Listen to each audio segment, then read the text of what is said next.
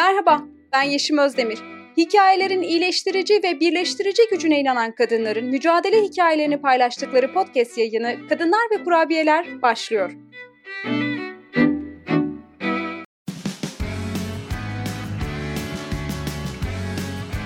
Oku, dinle, izle. Kısa Dalga. Merhaba canım kadın. Merhabalar, Hoş geldin. hoş bulduk. Nasılsın? İyiyim, teşekkür ederim. Sen nasılsın? Ben deyim çok teşekkürler. Bugün ne olmayı seçtin? Bugün mürver olmayı seçtim. Önce bize mürverin ne olduğunu açıklaman gerekecek. Sonra da Mürveri açıklayayım. Mürver aslında çok denk geliyoruz böyle daha çok gıda takviyeleri, eczaneler vesaire, vitamin tabletlerinde işte mürver özlü vesaire yazıyor. Ama çoğumuz bilmiyoruz. Mürver burada yabani olarak yetişen bir ağaç, cın çiçeği diyeyim, mürver çiçeği. Aynı zamanda bu çiçek döküldükten sonra böyle siyah siyah yemişleri oluyor. Çok bilinmiyor ne olduğu, adı da bilinmiyor. Adı burada başka bir şey. Pohbeti, pohbeden, işte uduhbi gibi isimleri var. Genelde kesiyorlar hani ne işe yaradığı bilinmediği için. Ama biz o çiçekleri topluyoruz. Mürver şurubu yapıyoruz. Çok güzel aromalı şuruplar elde ediyoruz. Kokteyllerde kullanılıyor, tatlılarda kullanılıyor. Çiçeği kullanılmazsa o yemişi işlenerek çay yapılabiliyor. Yüksek C vitamini değeri taşıyor gibi gibi bir takım özellikleri var. Bilinmeyen ama çok şifalı bir bitki diyelim. peki sen neden mürver olmak istedin? Bunca faydasından dolayı mı? Bilinmiyor. Aslında bilenler de böyle öğrendikten sonra Aa, biz yıllarca bunu hiç işlevine göre kullanmamışız diyor. Hı hı. O yüzden herhalde. Yani bilmiyoruz ama bilinince kıymetimiz biliniyor gibi. Kıymetimiz bilinmiyor.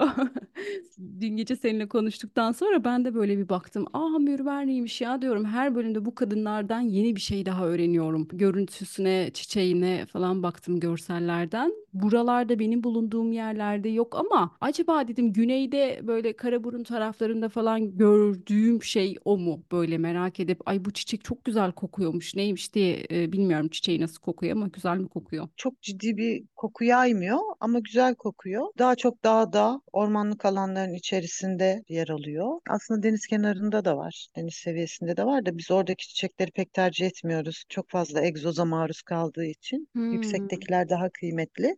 Avrupa'da çokça var. Hatta hı. orada çiçeğini toplayıp böyle pişi hamuru gibi bir şeye batırıp kızartarak yiyorlar. Onlar da şurup yapıyorlar vesaire. Orada daha çok bilinen e, bir bitki mürver. Sayende yeni bir şey daha öğrenmiş olduk.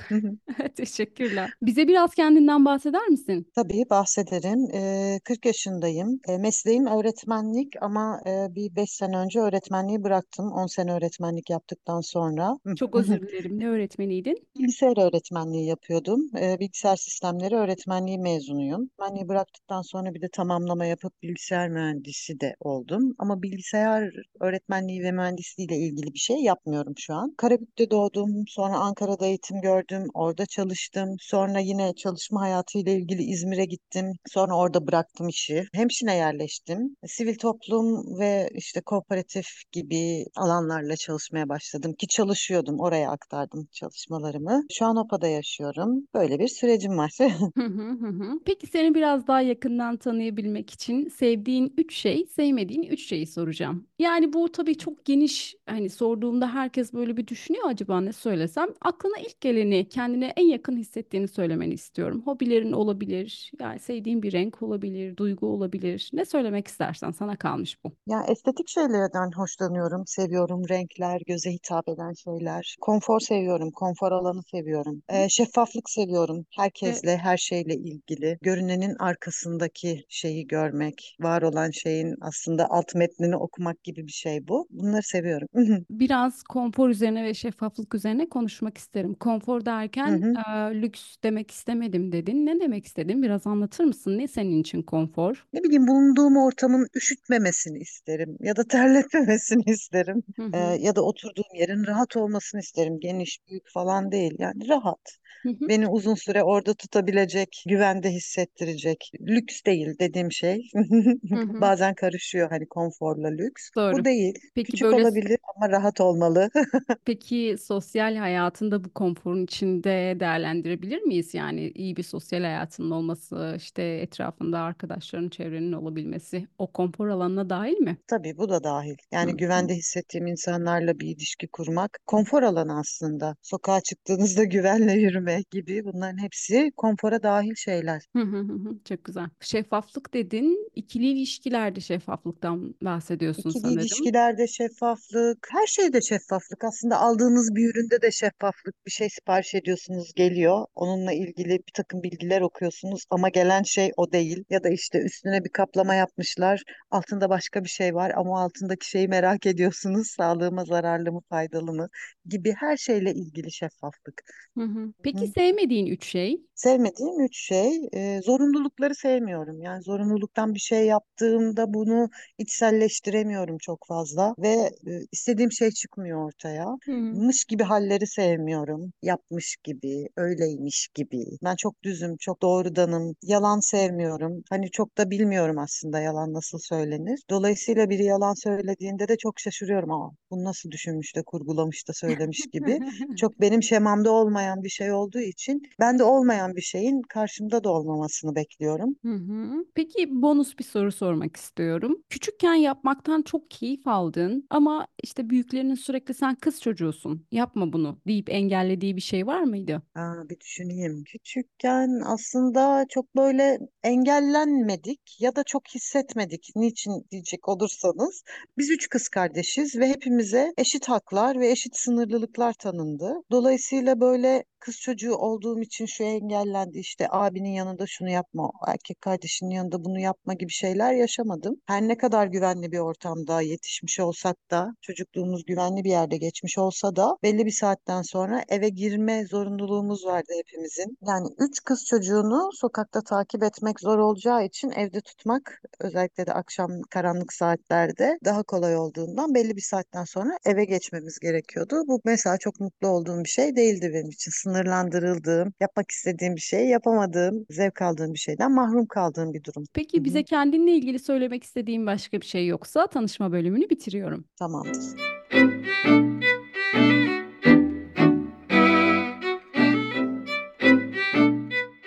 Hikaye girişi yapalım hemen istiyorum. Hikayen nerede başlıyor? Ee, hikayem doğduğum anda başlıyor Karabük'te. Hiçbir parçayı birbirinden ayıramam. Önce Karabük'teydim. İşte bebekliğim, çocukluğum ve lise bitinceye kadarki dönem orada geçti. Oradaki yapı hani bizim için güvenli, biraz da kozmopolit. Sonrasında Ankara'ya yerleştim üniversite nedeniyle. Üniversiteyi Ankara'da okudum. Meslek yaşantısına da Ankara'da başladım aslında. Ankara'da çalıştım. Sonra da İzmir'e gittim. Ama bu aralarda hep böyle sivil toplumla ilgilendim. İşte liseden itibaren farklı hak alanları vesaire. Buralarda benim için mücadele alanları vardı. En çok da Hemşin'i sevdim. Hemşin baba memleketi. Benim annem Kayserili ama hı. baba memleketine daha çok gittik, geldik ve orası bizim için bir özgürlük alanıydı. Hani belli bir saatten sonra belki Karabük'te yaşarken belli bir saatten sonra eve gelme sorunumuz vardı ama Hemşin daha güvenli bir ortamdı ve biz istediğimiz saatte dışarıda, istediğimiz saatte evde olabiliyorduk. O yüzden herhalde hemşini çok sevdim ve hep hemşinle ilgili bir şeyler yaptık. Kardeşlerim de ben de, arkadaş çevremiz de aynı şekilde. Büyük şehirlerdeydik çoğumuz. İzmir'de yaşarken yine bir sivil toplum örgütü kurduk hemşinle ilgili. Doğa hakları ile ilgili çalıştık çevre mücadelesinde. Ha, E, ve uzaktan uzağa e, uzaktan uzağa bunu yapamayacağımızı anladığımızda da İzmir'den Hemşin'e taşındım ben. Hı Aslında ben derken ben taşındım ve evlendim Hemşin'de. hı. hı. Hemşin'de bir evliliğim devam etti. Daha sonra sivil toplum, kooperatif vesaire süreçleri devam ederken boşandım. Süreç orada bitti. Hemşin'le ilişkim hala devam ediyor. Kooperatifin ve derneğin başkanıyım. Tabii bu başkanıyım demek çok böyle laf olarak ağır geliyor. Yani o kolektif yaptığımız bir şey ama senelerdir ben başkanıyım derneğin de. Ee, şu an Hapa'da yaşıyorum. Hem Hemşin'e yakınım hem kooperatife yakınım. Deniz görüyorum, dağ görüyorum. Böyle ee, bir konfor alanındayım diyebilirim. Çok güzel, çok güzel. Kooperatifin hikayesini duymak isterim. Kuruluş hikayesi nedir? Bu arada yayın öncesinde görüştüğümüzde hani bir kadın kooperatifi, kadınların yoğunlukta olduğu bir kooperatif olduğunu da söylemiştin. Hikayesini dinlemeyi çok isterim. Hikaye aslında dernekle birlikte başlıyor. Biz dernekle birlikte çevre mücadelesinde çalışırken e, önce çevreyle ilgili çalışmalar yaptık. Çocuklarla çalışıyoruz, kadınlarla çalışıyoruz. Daha sonra dedik ki yani burada bir şeyi büyütmemiz lazım. Birazcık tohum çalıştık, yerli tohum, yerli üretimlerle ilgili çalışmalar yürüttük derken dedik ki yani bunun yaptığımız şeyin hem doğayı korumaya çalışıyoruz hem üretimi desteklemeye çalışıyoruz. Bunun finansal bir boyutunun olması lazım. Kadınların da içinde olduğu, onların ekonomik güçlenmesini sağlayacak bir pazar yeri kurulmasını sağlayalım. En azından evde ürettikleri ürünleri getirsinler. Biz burada bir sirkülasyon sağlayalım. Devamlı insanlar turizm turizm diye bahsediyorlar ama yıkıcı bir turizmdense böyle bir turizme yönlendirelim. Hani üretimi değerlendirdiğimiz. Ama bir şekilde biz pazar yerini kuramadık. İşte yerel yönetimle çatıştık, yer bulamadık. Hatta böyle kadınlar toplanıp bir meclis toplantısını bastık gibi böyle şeyler yaşadık. Ee, meclis toplantısında pazar yeri kurma kararı çıktı. Ona rağmen imar komisyonuna gönderildi vesaire böyle süreç uzadıkça uzadı ve pazar yeri kurulmadı. Biz de dedik ki niye düşünüyoruz? Yani bizim elimizde bir güç var. Üretim alanları bizde. Biz zaten kadınız ve kadınlarla birlikte çalışıyoruz. E biz bir kooperatif kuralım. Hep de konuştuğumuz bir konuydu kooperatif. Yani kimle kuralım? Nasıl kuralım? Bir dolu eğitim aldık. E, bir dolu grupla paylaşıyoruz. Hani siz nasıl kurdunuz, biz nasıl kuralım derken erkeklerle bu işi yapamayacağımızı fark ettik. Ve bizim hep de kadınlarla çalışıyor olmamız, onların böyle yüksek enerjisi sayesinde bir de destek verdiler. Hadi yapın yani arkanızdayız diye. E, biz altı gerçek kadın, bir de derneğin başı çekmesiyle bir tüzel kişilik, yedi ortakla bir kooperatif kurduk. Kadın girişimi. Kurarken hep düşündük ne yapabiliriz? Dedik ne yapıyorsak onu yapacağız. Ama bunu en iyi şekilde yapmamız lazım. Bizim vadi organik bir vadi. Hani Türkiye'nin böyle devlet eliyle organikleştirilmiş sınırlı vadilerinden biri. Hemşin Organik Vadisi ve çay üretiliyor. Dedik ki biz zaten her sene çay topluyoruz. Verim değişmiyor seneden seneye. Aa, bu sene ürün üretemezsek gibi bir kaygımız yok. Tamam çay üretelim. Ama nasıl üretelim? Yani herkesin bildiği şeyi mi yapalım? Herkes gibi mi üretelim? Hayır, biz özellikle bir vadiyiz. Organik tarım yapılıyor. O zaman ona uygun bir üretim ve birazcık araştırdık. Biraz eğitimlere katıldık. Dünyada nasıl yapılıyor? Ve dünyada aslında bizim ürettiğimiz çayla uzaktan yakından alakası olmayan bir çay işleme metodunun olduğunu fark ettik. Yani elle topluyorlar. Yaprağı altın değeri vererek onu hiç incitmeden solduruyorlar. Elle işliyorlar vesaire. Çok yüksek aromalı ve böyle birkaç kere demlenebilecek temiz bir gıda üretmeye başladık. Ee, şu an bir Çok atölyemiz var. Çok özür dilerim. Burada böleceğim biraz seni. Bu üretim tekniğine biraz takıldım. Geleneksel yöntemle e, üretiyorsunuz sanırım. Normalde nasıl üretiliyor ve siz nasıl bir sorun gördüğünüzde bu yöntemle yapmaya çalışıyorsunuz? Biraz o yöntem farkını anlatabilir misin? Tabii anlatayım. Geleneksel yöntem dediğimiz aslında Türkiye'nin gelenekseli değil. Çünkü çay e, Türkiye'de geleneksel bir üretim tarzı değil. Yani Cumhuriyet döneminden sonra çeşitli araştırmalar yapıldıktan sonra işte Karadeniz bölgesinde çay yetişebilir deniyor ve işte 40'lı yıllarda üretime başlanıyor. Çok da yakın bir tarih. Önce elle toplanıyor. Yani dünyada nasıl yapılıyorsa öyle o şekilde işlemeye çalışılıyor. Ama biz birazcık daha kolaycı bir toplumuz. Daha hızlı üretmek istiyoruz. Sonra makasla toplanmaya başlanıyor. Şimdilerde elektrikli makaslar var. Onlarla toplanıyor. Ama şu şekilde oluyor. Üretim sürecinin Türkiye'de nasıl olduğunu anlatayım. Toplanıyor çay. Böyle çuvallara basılıyor sergilerin içerisine o yapraklar kırılarak basılıyor, sıkıştırılıyor. Bazen bir gün bekliyor satışı için. Daha sonra çay fabrikası alıyor onu. O da birazcık bekletiyor. Sonra işlemeye baş, işlenmeye başlanıyor o yapraklar. İşte kırılıyor, parçalanıyor, o, oksidasyona uğruyor vesaire. Parça parça böyle toz şeklinde bir çay demliyoruz evimizde. E, Bir dolu kaşık demliğe çay koyuyoruz. Onun tadı ve rengi gelsin diye. Aslında öyle değil. Çok da tüketiyoruz bu çayı. Ama dünyada şöyle yapılıyor. Çay çok değerli, çay yaprağı. En üstteki bir buçuk ya da iki buçuk en taze yaprak toplanıyor ve hiç kırılmıyor. Yani o yaprağı asla biz parçalamıyoruz ve böyle sepetlerin içerisinde üretim alanımıza getiriyoruz toplar toplamaz. İşleme alanımızda soldurma ünitelerimiz var. E, hasırdan ördürttüğümüz tepsiler. O tepsilerin üstüne yayıyoruz bir katman ve orada 24 saat ya da 30, 36 saat bekletiyoruz çayın su kaybetme oranına göre. Yeterli suyu kaybettikten sonra o yaprak artık işlemeye alıyoruz. Su kaybetmesinin nedeni de şu, o selülozik yapının kırılmaması gerekiyor işlerken. Su kaybettikçe kırılmıyor. Hani bir yaprak solduğunda elinize aldığınızda daha kumaş gibi hani katlanır ve açılır ya Hı hı. o hale geliyor. Sonra biz enzim öldürmesi yapıyoruz önce. Bir şokluyoruz. Isıl işlem görüyor yaprak. Isıl hı. işlem görünce böyle inanılmaz kokular çıkıyor.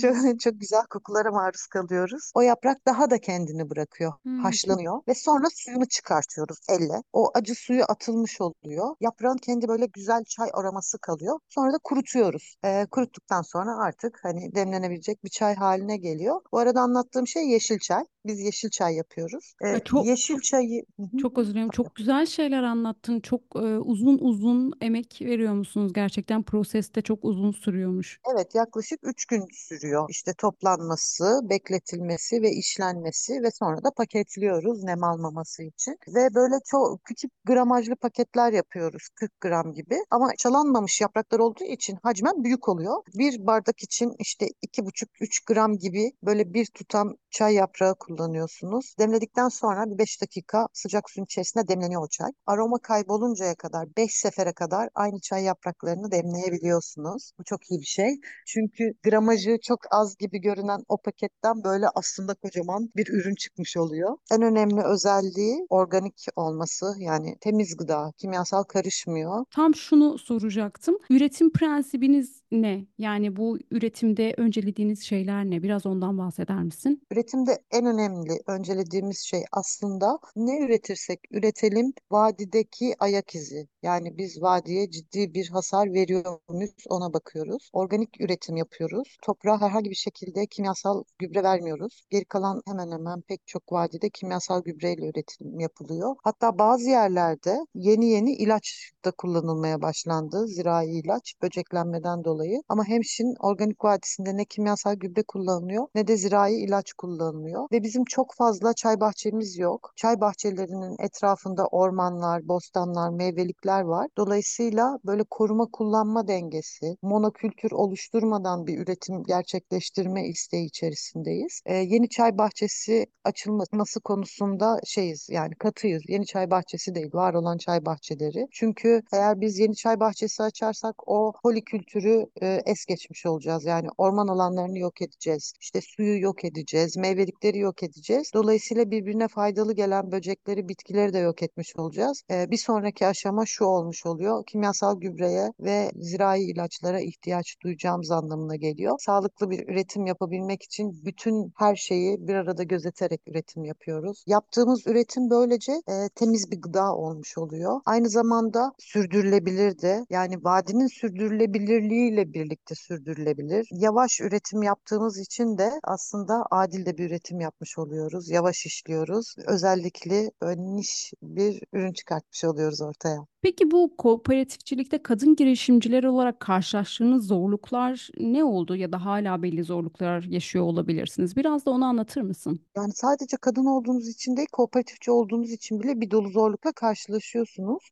Çünkü kooperatifçilik aslında dayanışma ekonomisinden geliyor. Yani küçük bütçelerle büyük işler halletmeye çalışıyorsunuz. Ama sağ olsun devlet her yaptığınızı ortak, vergiler olsun, işte diğer giderler olsun. Ürettiğimizin yarısını biz vergi olarak ödüyoruz. Oysa So.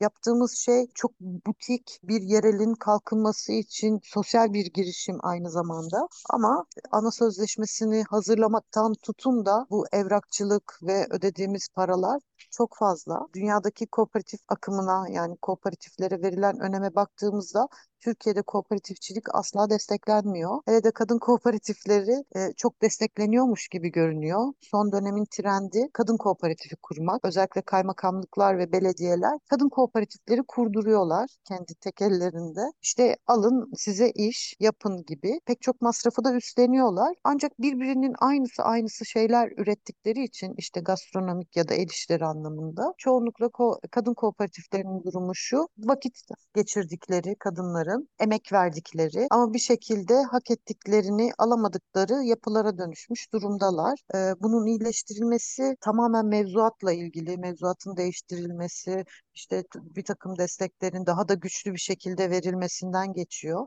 Mesela biz de bir destek aldık kooperatif olarak Ticaret Bakanlığı'ndan. Şöyle bir destek. %75 destek veririm diyor. %25'ini sen ödeyeceksin bunun diyor. Biz sıfırdan kurulmuş bir kooperatif olarak zaten o %25'i ödeyecek bir paramız yoktu. Üstüne bir de diyor ki KDV'yi de sen ödeyeceksin. E destek oluyor burada %50 bir destek. Hiç parası olmayan, bir şey üretmek isteyen bir kadın girişimi için çok yüksek meblağlar bunlar. Ama tabii biz çeşitli kaynaklar yaratarak desteğin %50'lik kısmını kendimiz halledebildik. Kitlesel fonlama araçlarından yararlandık. Fongogo'yu belki duymuşsunuzdur.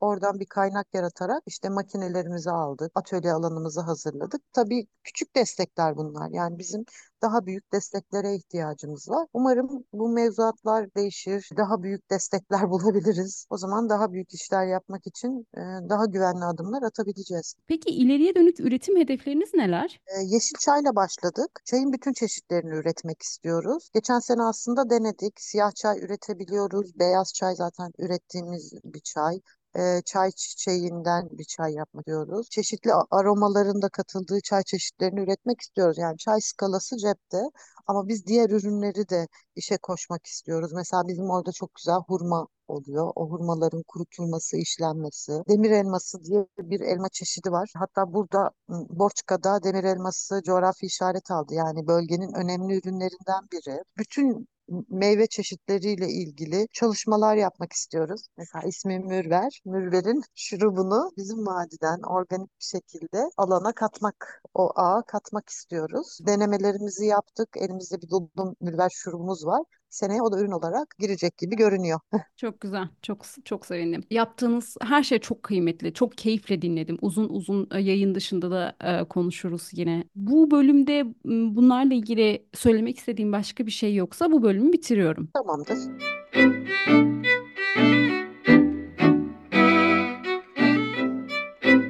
Geldik ki e, yayının son bölümüne kelimeler ve çağrışımlar bölümü bu bölümün adı. Biraz da konuştuklarımız ışığında seçmeye çalışıyorum bu kelimeleri. Senin için üç kelime seçtim. Senin için çağrıştırdıkları, hissettirdikleri üzerine konuşalım istiyorum. Birinci kelimem bereket. Bereket bence azken çok olabilmek yani çok çok çok olması değil her şeyin. Var olduğu kadarının yetebilmesi ve o yeten şeyin aslında bizi çoğaltabilmesi gibi görüyorum ben. Biz mesela Hemşin Vadisi daracık küçücük bir vadiyiz. Ee, Rize'nin en küçük ilçesiyiz yüz ölçümü olarak da hatta. Ama çoğuz aynı zamanda. O küçücük alandan binlerce insan yaşıyor şu an Türkiye'de. İşte İstanbul'da, Ankara'da, İzmir'de, başka yerellerde bir dolu hemşinli var. İşte bereket böyle bir şey. bir vadinin bütün coğrafyaya yayılması. Peki yine birbiriyle bağlantılı olduğunu düşündüğüm diğer bir kelime toprak. Hmm, toprak bana hep doğurganlığı hatırlatıyor. Ee, üretkenliği, üretmeyi, yeniden var olabilmeyi, tekrar tekrar tekrar tekrar doğmayı hatırlatıyor. Çok önemli bir bileşen. Hepimizin var olma sebebi gibi geliyor bana toprak. Çok güzel. Peki son kelimen geliyor ağaç. Ee, ağaç köklenmek, e, yerleşmek gibi çok böyle sabit bir yerden gibi görünse de ağaç aslında bağlantıları anlatıyor, ilişkileri anlatıyor. O köklerin uzandığı e, ve dokunduğu o ağ yapısını anlatıyor. Hem çok sabit hem de çok ilişkili.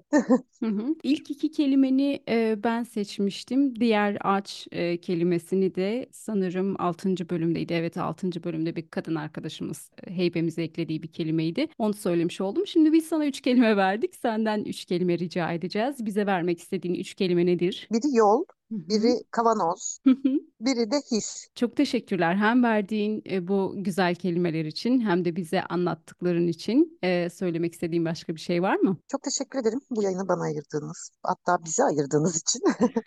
E, ben teşekkür ederim. Ne demek? Gerçekten çok değerli, çok kıymetli bir iş yapıyorsunuz. Umarım ayağınıza hiç taş değmesin, yolunuz açık olsun. Daha çok üretebilirim. Çok teşekkür ederim. Sağlıcakla kal.